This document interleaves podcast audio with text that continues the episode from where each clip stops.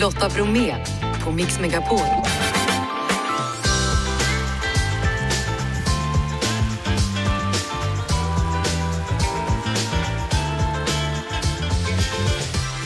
Hallå där och varmt välkommen in till oss denna torsdag i mixen. Carola firar sina 40 år som artist, hon gästar oss efter 17. Hasse Aro och Efterlyst firar 1000 program ikväll, vi gratulerar. Apropå krim, Thomas Bodström berättar om ytterligare ett fall i serien om svenska brott. Afrikansk svinpest, ja nu vet vi hur vildsvinen dog. Och strax kollar vi läget med Markoolio som tillsammans med sin mamma programleder Smartare än en femteklassare som har premiär ikväll på kanal 5. Så säger som vanligt Jeff, läget? Bra. Bra. Janne, välkommen tillbaka. Tackar, tackar. Har du hämtat dig från Rolling Stones och London? Ja, jag landade ju på Arlanda för en timme sedan, men jag har inte riktigt landat i själva upplevelsen ännu känner jag. Nej, men du är här. Jajamän. Då kör vi. Ikväll så är det premiär för Smartare än en femteklassare och med ny programledare. Hallå Markoolio! Terve! Terve!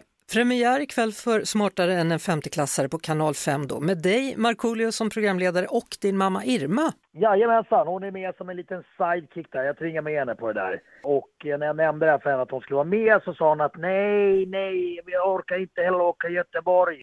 Det var där vi spelade in det. Hon hade, hon hade aldrig varit i Göteborg. Men jag fick med henne och sen efteråt tyckte hon att det var jätteroligt. Som det bästa när jag försöker få med henne på saker. Först var hon väldigt negativ och sen så blev hon glad. Hur, hur känns det liksom att vara med i det här programmet och leda det? Känns det som att åka tillbaka till skolbänken eller? Alltså jag är ganska glad för att jag är programledare och inte deltagare. För alltså det, det är ju svårare än vad, än vad man tror.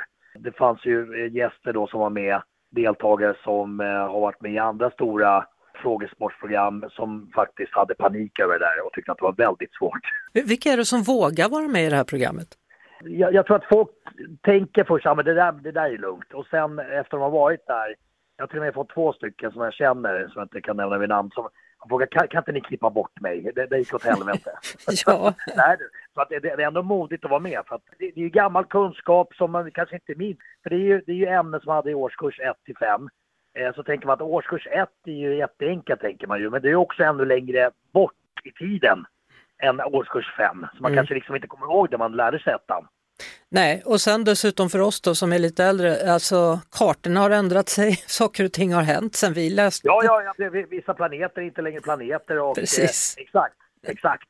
Men du har väl barn i den här åldern? Va? Ja, det stämmer. Har, Eh, har det och- hjälpt dig då? Nej, nej. Eh, Det är intressant att du frågar för att igår ska jag hjälpa Majke, min yngsta dotter, med matte. Och eh, eh, det stod så här, subtrahera det här och addera det där. Och jag eh, var tvungen att googla vad, vad det står för. Ja. Ja, alltså jag har några frågor här, kan jag ställa dem får vi se hur det går? Ja, absolut, kör, kör. Ja, kör, hur kör. många stjärnor finns i Europas flagga? Men vänta, vänta vadå? Vänta, vänta, alltså EU-flaggan? Mm.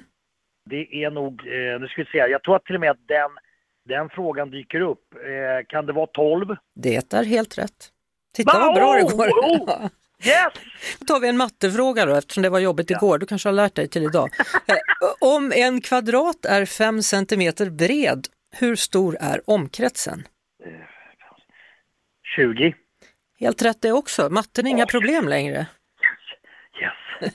Då tar vi den sista här då.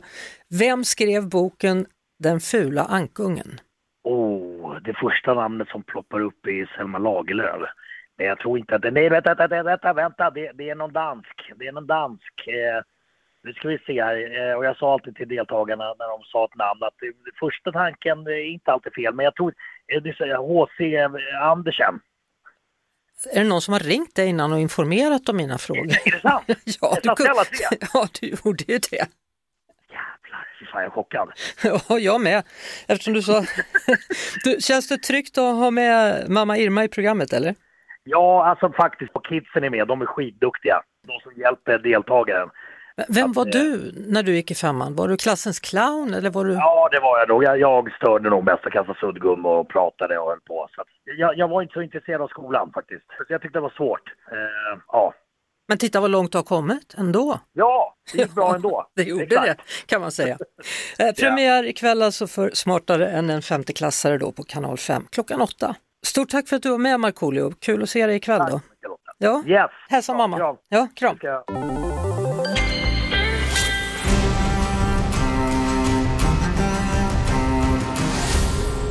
Film och serier.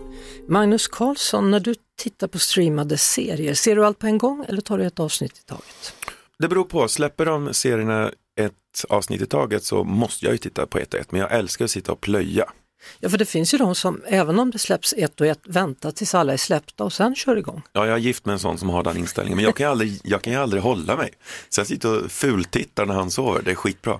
Ja. Fast det betyder också att när han vaknar och ska se på det här, då måste jag se allting en gång till. Så att, eh, ja, både plus och minus där. Ja, jag har en uh, trashig serie till dig. Mhm. Eh, Naked and afraid of love. Var har du grävt upp det här? Är det här har jag grävt upp på Discovery Plus. Naked and afraid of love. Det är folk som tycker att de är så galna va? Så de åker till olika delar av en, några ö, någon öområde någonstans bort, bort någonstans långt bort. Och så tar de av sig sina kläder, det amerikanska. Självklart. Ja, och så är det nedsuddat lite både här och där så man inte ska se något. Och så går de runt och så får de träffa någon och så ska de klara sig och leva i djungeln. Jaha, det är en sån där. Ja, Men herregud. och så letar de efter kärlek. För de har aldrig varit kära på riktigt och nu vill de ha en relation. Så då tror de att de ska hitta det med en annan naken människa som kommer gående. Och så försöker de titta varandra i ögonen och så går inte det så bra och så blir det fel och så håller de på. Mitt i djungeln också, bland knott och jäkelskap. Absolut. Det, det var bland det dummaste jag någonsin Visst hört. dumt? Sitter du och tittar på det här? Ja, jag tittar på det. Men det går väldigt långsamt kan jag säga. Det, I vanliga fall brukar jag titta fort på sådana här serier men det här tar jättetid.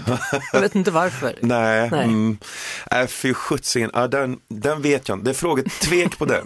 Du kan- Tvek på den. Du kan bara titta på den för att ha sett. Ja, men nu måste jag, nu Ja, måste bara jag det det bara för att du har sagt det. Ja, Eh, Ska jag ha tips tillbaka då vad du ska se? ja det tycker jag. Måste bli du- något med klass då med tanke på att jag hade sånt avskyvärt tips. Eh, Nu ska vi se, är du en Star Wars-unge? Nej, Skit också. mm, men du kan ta det ändå. Det, Ja. Jag kan ju lära mig något. Ja, alltså då måste du först plöja originalfilmerna och då snackar vi liksom sex stycken, nio stycken liksom. Sen ska du då börja med de här av, Arterna. avarterna, de här serierna som har kommit efteråt. Ja. Men eh, ska du kolla på någonting Star Wars kopplat ska du kolla på Mandalorian. Det är tre säsonger du har att göra. Vad är det för någonting? Mandalorian är en av eh, Bounty Huntersarna i Star Wars som då är ute på egna äventyr. Jag är Star Wars-nörd här, snackar vi, så nu, nu har du fått att göra. Ja, verkligen. Kan jag inte börja direkt med den där Mandalorian då eller? Mm, det kan du nog göra, men du måste Ja. ju liksom få storyn bakom, eh, du vet, Luke Skywalker och Darth och alla de här. Ja, Lite har jag sett. Lite koll jag Skit, nu du blev sugen på att åka hem och kolla på den. Det är klart du ska. Men framförallt så ska du kolla på Naked and afraid of love. Mm, Okej, Så tar jag den här då. Mandalorian, vilket klasskillnad. jäkla byte. Men det är så det är va? Ja, ja. Mm, den. bytt. vi köper den. Bytte bytt. Byte bytt. Efterlyst hade premiär i januari 1990 och idag den 7 september 2023 så sänds avsnitt nummer 1000. Hasse Aro, hallå, välkommen till Mix Megapol. Ja, tack så mycket. Hade du någonsin kunnat tro att det skulle bli en sån långkörare? Hade ingen aning om detta faktiskt. Och jag har ofta tänkt på, tänk om jag hade vetat det, då hade jag kunnat lägga upp en ekonomisk plan utifrån det och så. Men å andra sidan, livet är ju jättetråkigt om man vet vad som ska hända de närmaste 30 åren. Alltså, här har vi då tusen program. Om du tänker tillbaka, på vilket sätt har programmet utvecklats under åren?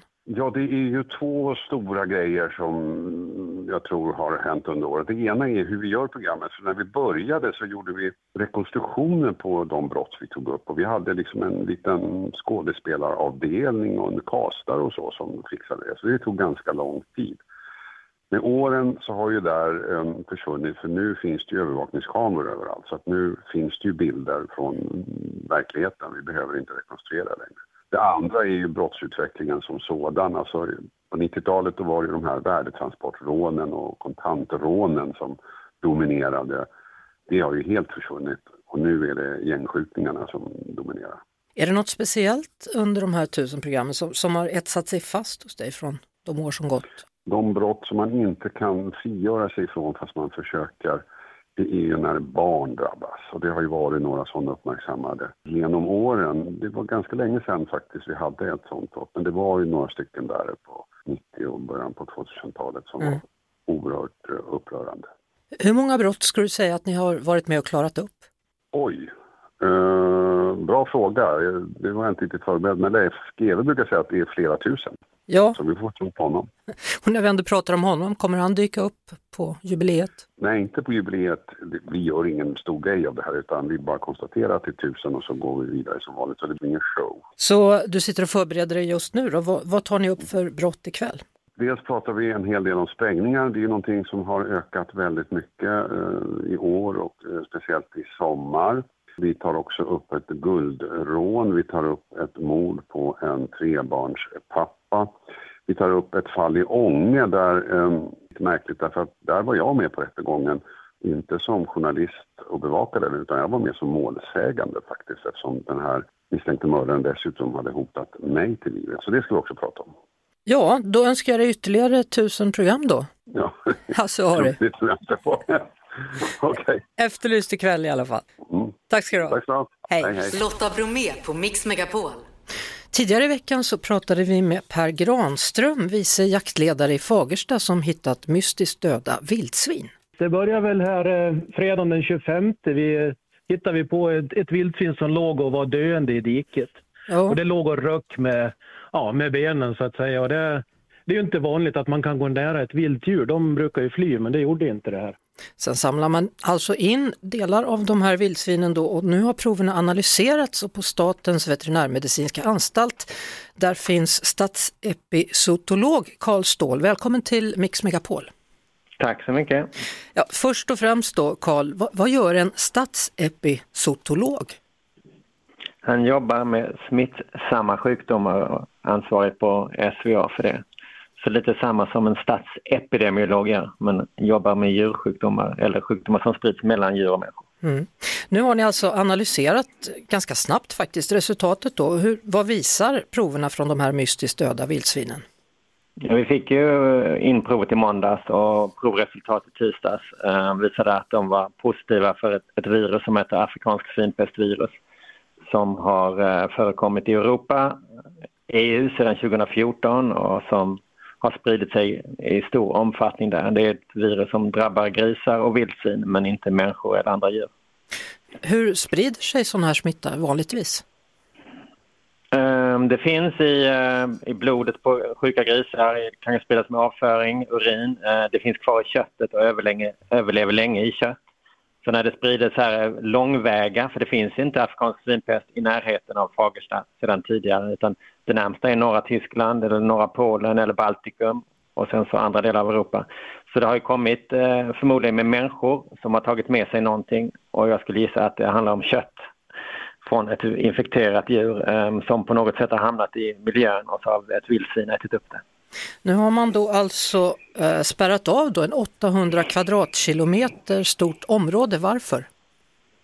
Ja, man har ju inte spärrat av utan man har infört restriktioner så att man har identifierat ett område eh, inom vilket man tror smittan finns och då tar man i lite extra. Det vi verkligen vill göra nu är att begränsa smittspridningen så att vi kan bekämpa det så snabbt som möjligt. Och då vill man att det ska vara så lite rörelse som möjligt i miljön där. För det kan, dels kan människor föra med sig smittan därifrån och dels kan de störa vildsvinen så att de rör sig ut i området. Och är de då infekterade då kan de träffa på vildsvin i andra områden som blir smittade. Och det vill man undvika.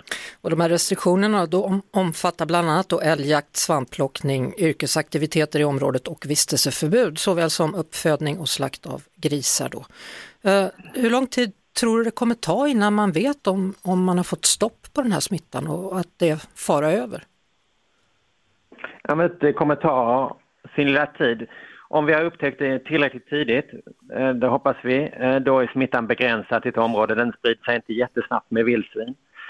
Och då kan man för, förhoppningsvis avgränsa ett område där smittan finns. Det vi har erfarenheter från bland annat Belgien och Tjeckien där de har gjort det på ett väldigt eh, lyckosamt sätt.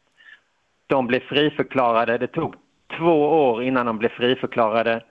Men det tar ett år från man har sista smittade djuret tills man blir friförklarad. Så i princip så själva bekämpningen tog väl cirka ett år i de fallen. Ehm, Så det är best case liksom, tror jag. Men däremot kan det vara så att vi redan tidigt, redan snart kan säga att det är inte de här 800 kilometer, kvadratkilometerna som är de viktigaste utan det är bara förhoppningsvis ett mindre område där man måste vara ordentligt strikt och då kanske man kan släppa på restriktioner utanför det området. Mm. Så, så skulle det kunna vara, så hoppas vi att det är. Men det kan ju också vara så att det sprids utanför. Så att, Vi hoppas på det bästa här då. Tack så mycket Karl Ståhl, statsepizootolog. Du lyssnar på Lotta Bromé på Mix Megapol. Välkommen till Mix Megapol, Carola. Men tack.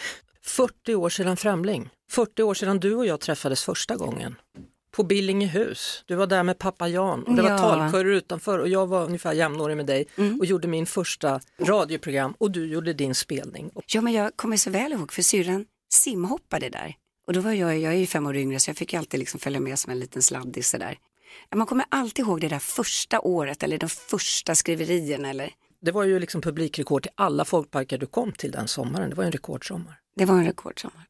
Här står du nu. Ja. Och vem var du då? Jag tycker att jag ändå är ganska lika. Hoppas jag på ett sätt, för att jag känner mig glad, jag var trygg. Jag har ju insett att jag egentligen, att jag haft en väldigt bra barndom med mamma och pappa. Det, det är ju skönt, för att jag behövde ju det med tanke också på trycket som jag har haft. Liksom. Men också att mitt driv, jag, man har velat mycket och vill fortfarande. Jag kände igen mig själv från då. Jag minns ju delar av den här intervjun, för jag var ju också lite så här, du vet, tänkande. Du var också tänkande, så jag var tvungen att fråga dig då, vad är meningen med livet? Minns du ditt svar? Det, jag minns inte vad jag sa. Nej, du svarade att segla och äta mjukglass. Okej, Är det fortfarande meningen med livet? nej. Jag skulle kunna säga att det är meningen. Det finns Ja, något exakt. fint i det där lilla. Jo absolut, det är jättefint. Jag älskar ju bada. Så jag badade igår. Och då så slog solen mot en segelbåt, mot vattnet där. Och då tänkte jag, det här är det optimala feelingen av livet på ett sätt. Alltså golden hour som jag älskar framåt kvällssolen, ja.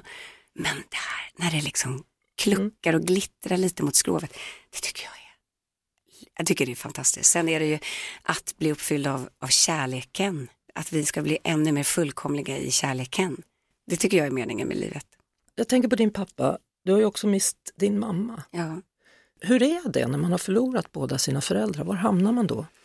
Ja, man hamnar i, i minnen, man hamnar i tankar som man tänker, vad skulle, vad skulle de ha gjort nu? Hur glad skulle de ha varit? Nu hade pappa gråtit, nu hade mamma strukit mig över pannan. Ja, det är minnen faktiskt som är, jag bara är tacksam över. Och de fick lämna när de, alltså såklart tycker jag då runt 60 är alldeles för ungt, men ändå, ändå liksom pigga och glada. Jag har aldrig fått se mina föräldrar bli eh, riktigt gamla, det kan jag ju självklart sakna utöver att jag längtar efter dem. Så att när jag ser äldre och jag har också bekanta som äldre, då tänker jag ju såklart att så här gammal, eller liksom, det här kunde varit mamma nu, men jag har en tillit till att allt kommer bli bra ändå. Och då jag skrev ju den där sången till mamma, allt kommer bli, bli bra mamma. Mamma vaknade till precis innan dödsögonblicket och frågade, hur ska det gå för dig, mitt barn? Och hon tänkte också på kärleken och jag liksom hade inget kanske ett superrakt svar utan bara, allt kommer bli bra mamma. Och så vaknade jag dagen därpå med en jättehärlig soul-låt som var typisk hennes stil. Och den har fått betyda mycket. Och den sjöng jag på mammas begravning. Hon älskade gospel men gick aldrig i kyrkan och så vidare. Men vi, ja, vi fick, fick ett fint avslut både jag och mamma. Och pappa gick knall och fall liksom för att han Så där fanns inte riktigt avslutet då? Nej, men vi hade ju liksom en pågående alltid bra. Vi var redan happy och klara medan mamma slet ju med sjukdomen och ville bli frisk och väntade på ett mirakel. Som då inte hände liksom, men att hennes hjärta ändå fick frid faktiskt måste jag säga, upplevde jag. Det, jag har aldrig sett mamma med det ansiktsuttrycket som när hon lämnade. Stort. Det var stort, det är jättestort.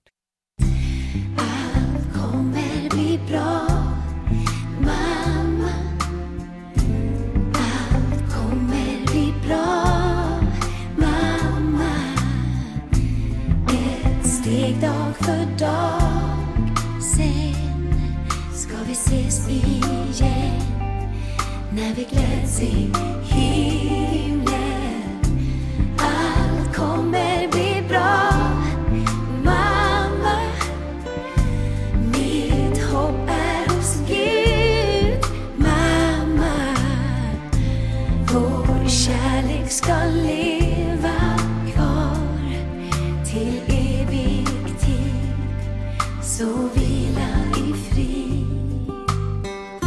Carola som är dagens gäst här i Mix Megapol och vi pratar om allt ifrån föräldrar till kärlek och till när man var liten och gick i skolan.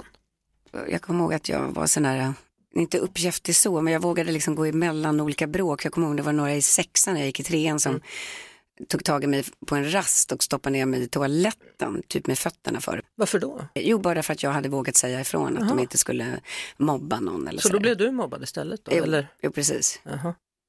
Tycker du att du har förändrats som människa? Du har ändå vuxit upp i rampljuset. Hur kul är det? Ja, det var en bra fråga. Hur kul är det? Eh, ja, men det är som jag brukar säga, ge mig en spot en mick och sen är jag på. Liksom. Men ja, alltså du vet ju, alltså, skriverierna har ju varit illa på 80 Du vet när man bara kände sig som ett villebråd. Där har ju nu sociala medier och Instagram blivit något helt annat verktyg. För dig? Ja. Positivt för mig. Helt plötsligt kan jag ge konserter utan att jag behöver egentligen sitta i eller göra någon sån där, som skivbolagen ville liksom förut då, men nästan inte visste vad är det jag ska, alltså men det blev lite rov på, på själen sådär. Så de åren var inget kul med alla rubriker? Och Nej, det var inte roligt när man ska tanka och så ser man en, en rubrik som man aldrig har sagt och det är totalt felvinklat. Och, Vad, vad är det du minns ja, mest? det är alla möjliga grejer. Nej men det är liksom, uh. Nej men alltså det, Ja, ja, det är allt ifrån rådjur till ja, ja. eh, väninnor som piskar Ja, det var det var. också. Det. Ja. Nej, jag vet, alltså, du vet, man bara, oh my God, och då är det bara så, okej, kaptensmössan upp, vad har vi fokus, vad ska vi segla någonstans? Mm. Försöka bara, okej, vad, är, vad är min glädje, vad är min passion? Och så hålla kvar vid det. Men, men blev du chockad när du märkte av det där första gången? Ja, jag blev superchockad. Jag gick upp på en av kvällstidningarna och bara, vad menar ni med det här? Vad är det här? Och tårarna sprutade. Och de visste inte, de hade aldrig varit med om det tidigare. Och jag, de stod faktiskt och, och, och var generade och smålog och skrattade liksom lite. Och så förstod jag ju bara, det här, de är ju bara köpta på något sätt. Jag pratade med Claes Malmberg, han sa att genom åren så har han lärt sig att inte alltid säga vad han tycker för att han vet att då hamnar det på en löpsedel och han, Jo, jo. han, han vill inte vara där så han känner att han Mm. håller lite tillbaka. Ja, eh, typ Typ? tungan, det har man ju bara försökt liksom. Men det är därför, nu, jag kan säga att efter 2014 och Så mycket bättre, som ändå var ett och är ett musikprogram med integritet, då blev det lite skillnad för mig. Och jag kunde liksom, ja, man bara får vara, då kan jag få vara mig själv där. Och gillar du inte det så kan du hitta någon annan. Folk vet ju inte allt om mig. Därför finns ganska mycket ja, större djup och det ena med det tredje och saker och ting man har varit med om. Men, men eh, livet är inte bara svart och vitt i det. Har du gått i terapi eller har du hanterat allt själv? Jag har faktiskt gjort typ det vi gör nu, det är lite min terapi. Var en gång när jag skilde mig så tänkte jag nu ska jag lägga grunden för bra för, näst, för nästa liv, tänkte jag säga, men för liksom framtiden. Men eh, jag, eh, nej, nej, det var inte var. Prövade du inte ens en gång? Eller? Jo men, jo men jag var där och liksom, det bara brrr, så rinnade vatten. Jag snackade på det, jag mådde rätt bra. Så hon var undrar, vad gör du här? Nej jag vet faktiskt inte. Så jag sa att det var liksom inte. Jag har ju terapi på det sättet också att jag, jag tar ju min andakt varje dag och jag går till kyrkan varje söndag. It's good enough for me. Var en sårig skilsmässa det där, det är fortfarande gör ont va? Ja, usch, det är liksom inte, jag tror inte det, va? Har det här hänt? Hände det mig? Alltså hur kunde det bli? Och så vidare. Man får bara gå till sitt hjärta och sin vad det, intuition. Lita lite på, mer på det. Men, men när du blickar tillbaka på de här 40 åren, finns det delar som du ångrar? Självklart. Annars skulle man ju vara omänsklig tänkte jag säga.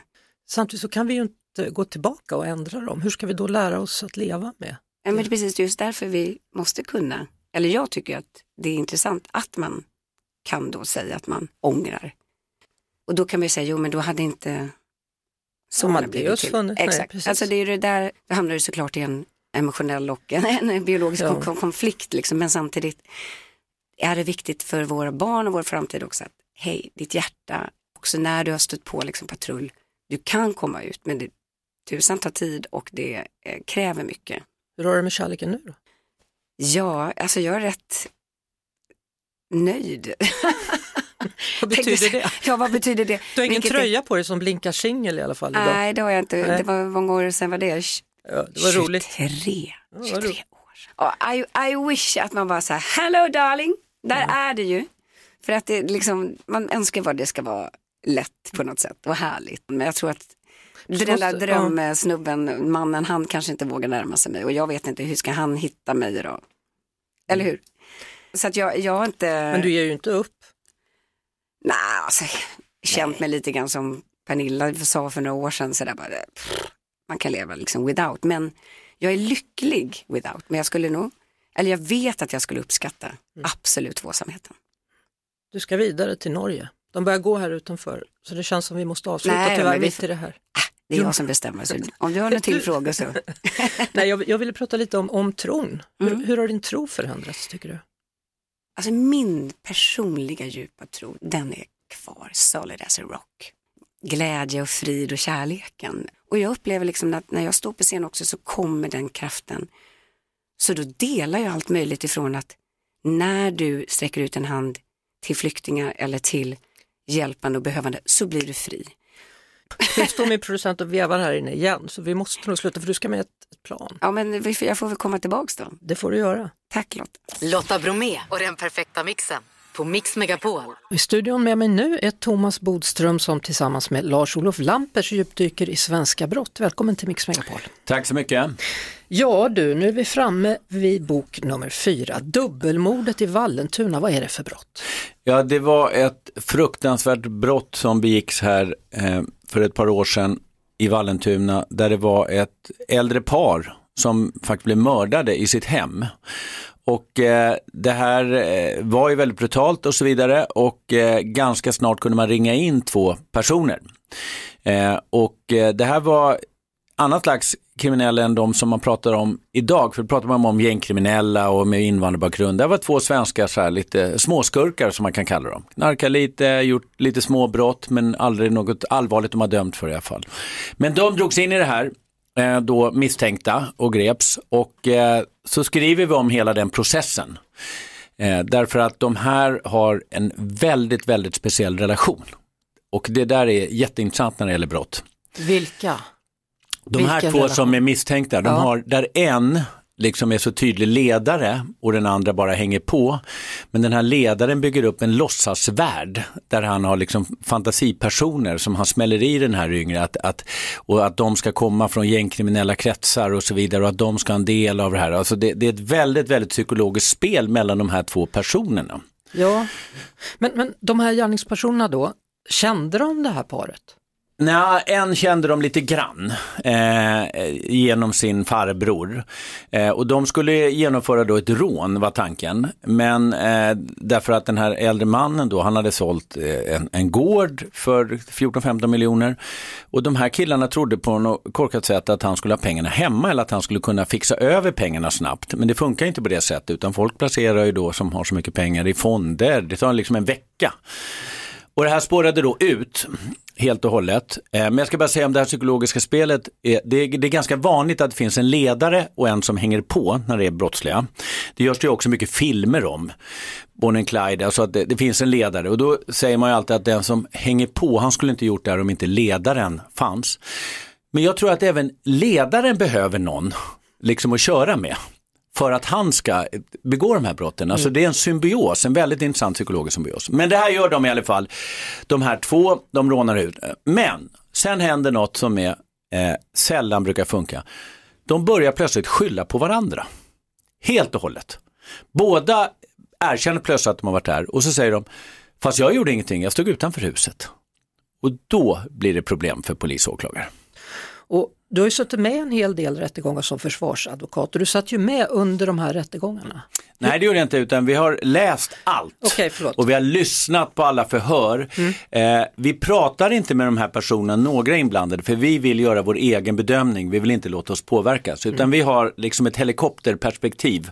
Och vi sitter inte med på rättegångarna, utan tvärtom. Vi kommer in i ett senare skede. Och när du då hovrar över det här, vad är det du ser? Det blir problematiskt. Det blir jätteproblematiskt och då är det så att det är ganska vanligt att många skyller på varandra och det brukar aldrig funka för i Sverige har vi den ordningen att om två har gjort något tillsammans, till exempel misshandlat någon, då spelar det ingen roll vem som slog eller sparkade utan man har gjort det tillsammans och så åker båda dit. Men just i det här fallet så kunde det faktiskt vara på det sättet att det bara var en som har gjort det här och den andra stod utanför huset. Och det här skapar ju jätte, jätteproblem för polis och åklagare och det här blev ett så kallat verkligt lindome, alltså att man skyller på varandra. Och jag ska inte avslöja allting, men om man är intresserad av rättegångar, man behöver inte vara liksom jurist, utan här hänger man med ganska bra faktiskt, eh, hur de här skyller på varandra. Det handlar om fotavtryck och sånt där. Och var och en kan faktiskt göra sin bedömning. Borde de här ha dömts båda två, eller var det bara en som dömdes? På rätt sätt? Eller skulle det vara den andra som dömdes? Så att det, det försöker vi visa hur spännande, om man nu får säga så, inte så tragisk sak, kan vara en rättegång Mm. och hur det kan ändras från en domstol till en annan också. Alltså, har man fått något svar på frågan varför de gjorde det här? Ja, det man vet, och det erkänner båda två, de var där för att råna. Eh, men sen gick allting snett och det sen vet man inte. Sen ska man komma ihåg att sanningen får man inte reda på i en rättegång, utan man får bara reda på om åklagarna lyckas bevisa det eller inte. Så den absoluta sanningen, den får läsaren lista ut själv vad man tror vad som har hänt. Men man har alla möjligheter att själv ta ställning när man läser det här för vad som har hänt. Dubbelmordet i Vallentuna handlar det alltså om i Svenska brott del 4. Vad blir det i del 5? Vi håller på att planera det faktiskt för fullt eh, och jag känner nu plötsligt att det kan nog inte avslöja för då kanske folk blir arga på mig. Men det blir en del fem, det är redan bestämt. Då vet vi det i alla fall. Ja, Tack för den ni. nyheten. Tack. Tack Thomas Bodström. Lotta Bromé och den perfekta mixen på Mix Megapol. Det är dags att säga tack och hej för idag. Det gör Jeanette, Lotta och Janne. Jeff Neumann är vår producent. Erik Myrlund dyker snart upp och håller dig i sällskap. Vi hörs igen imorgon efter klockan 16, då bland annat med Fredagshäng. Ett poddtips från Podplay.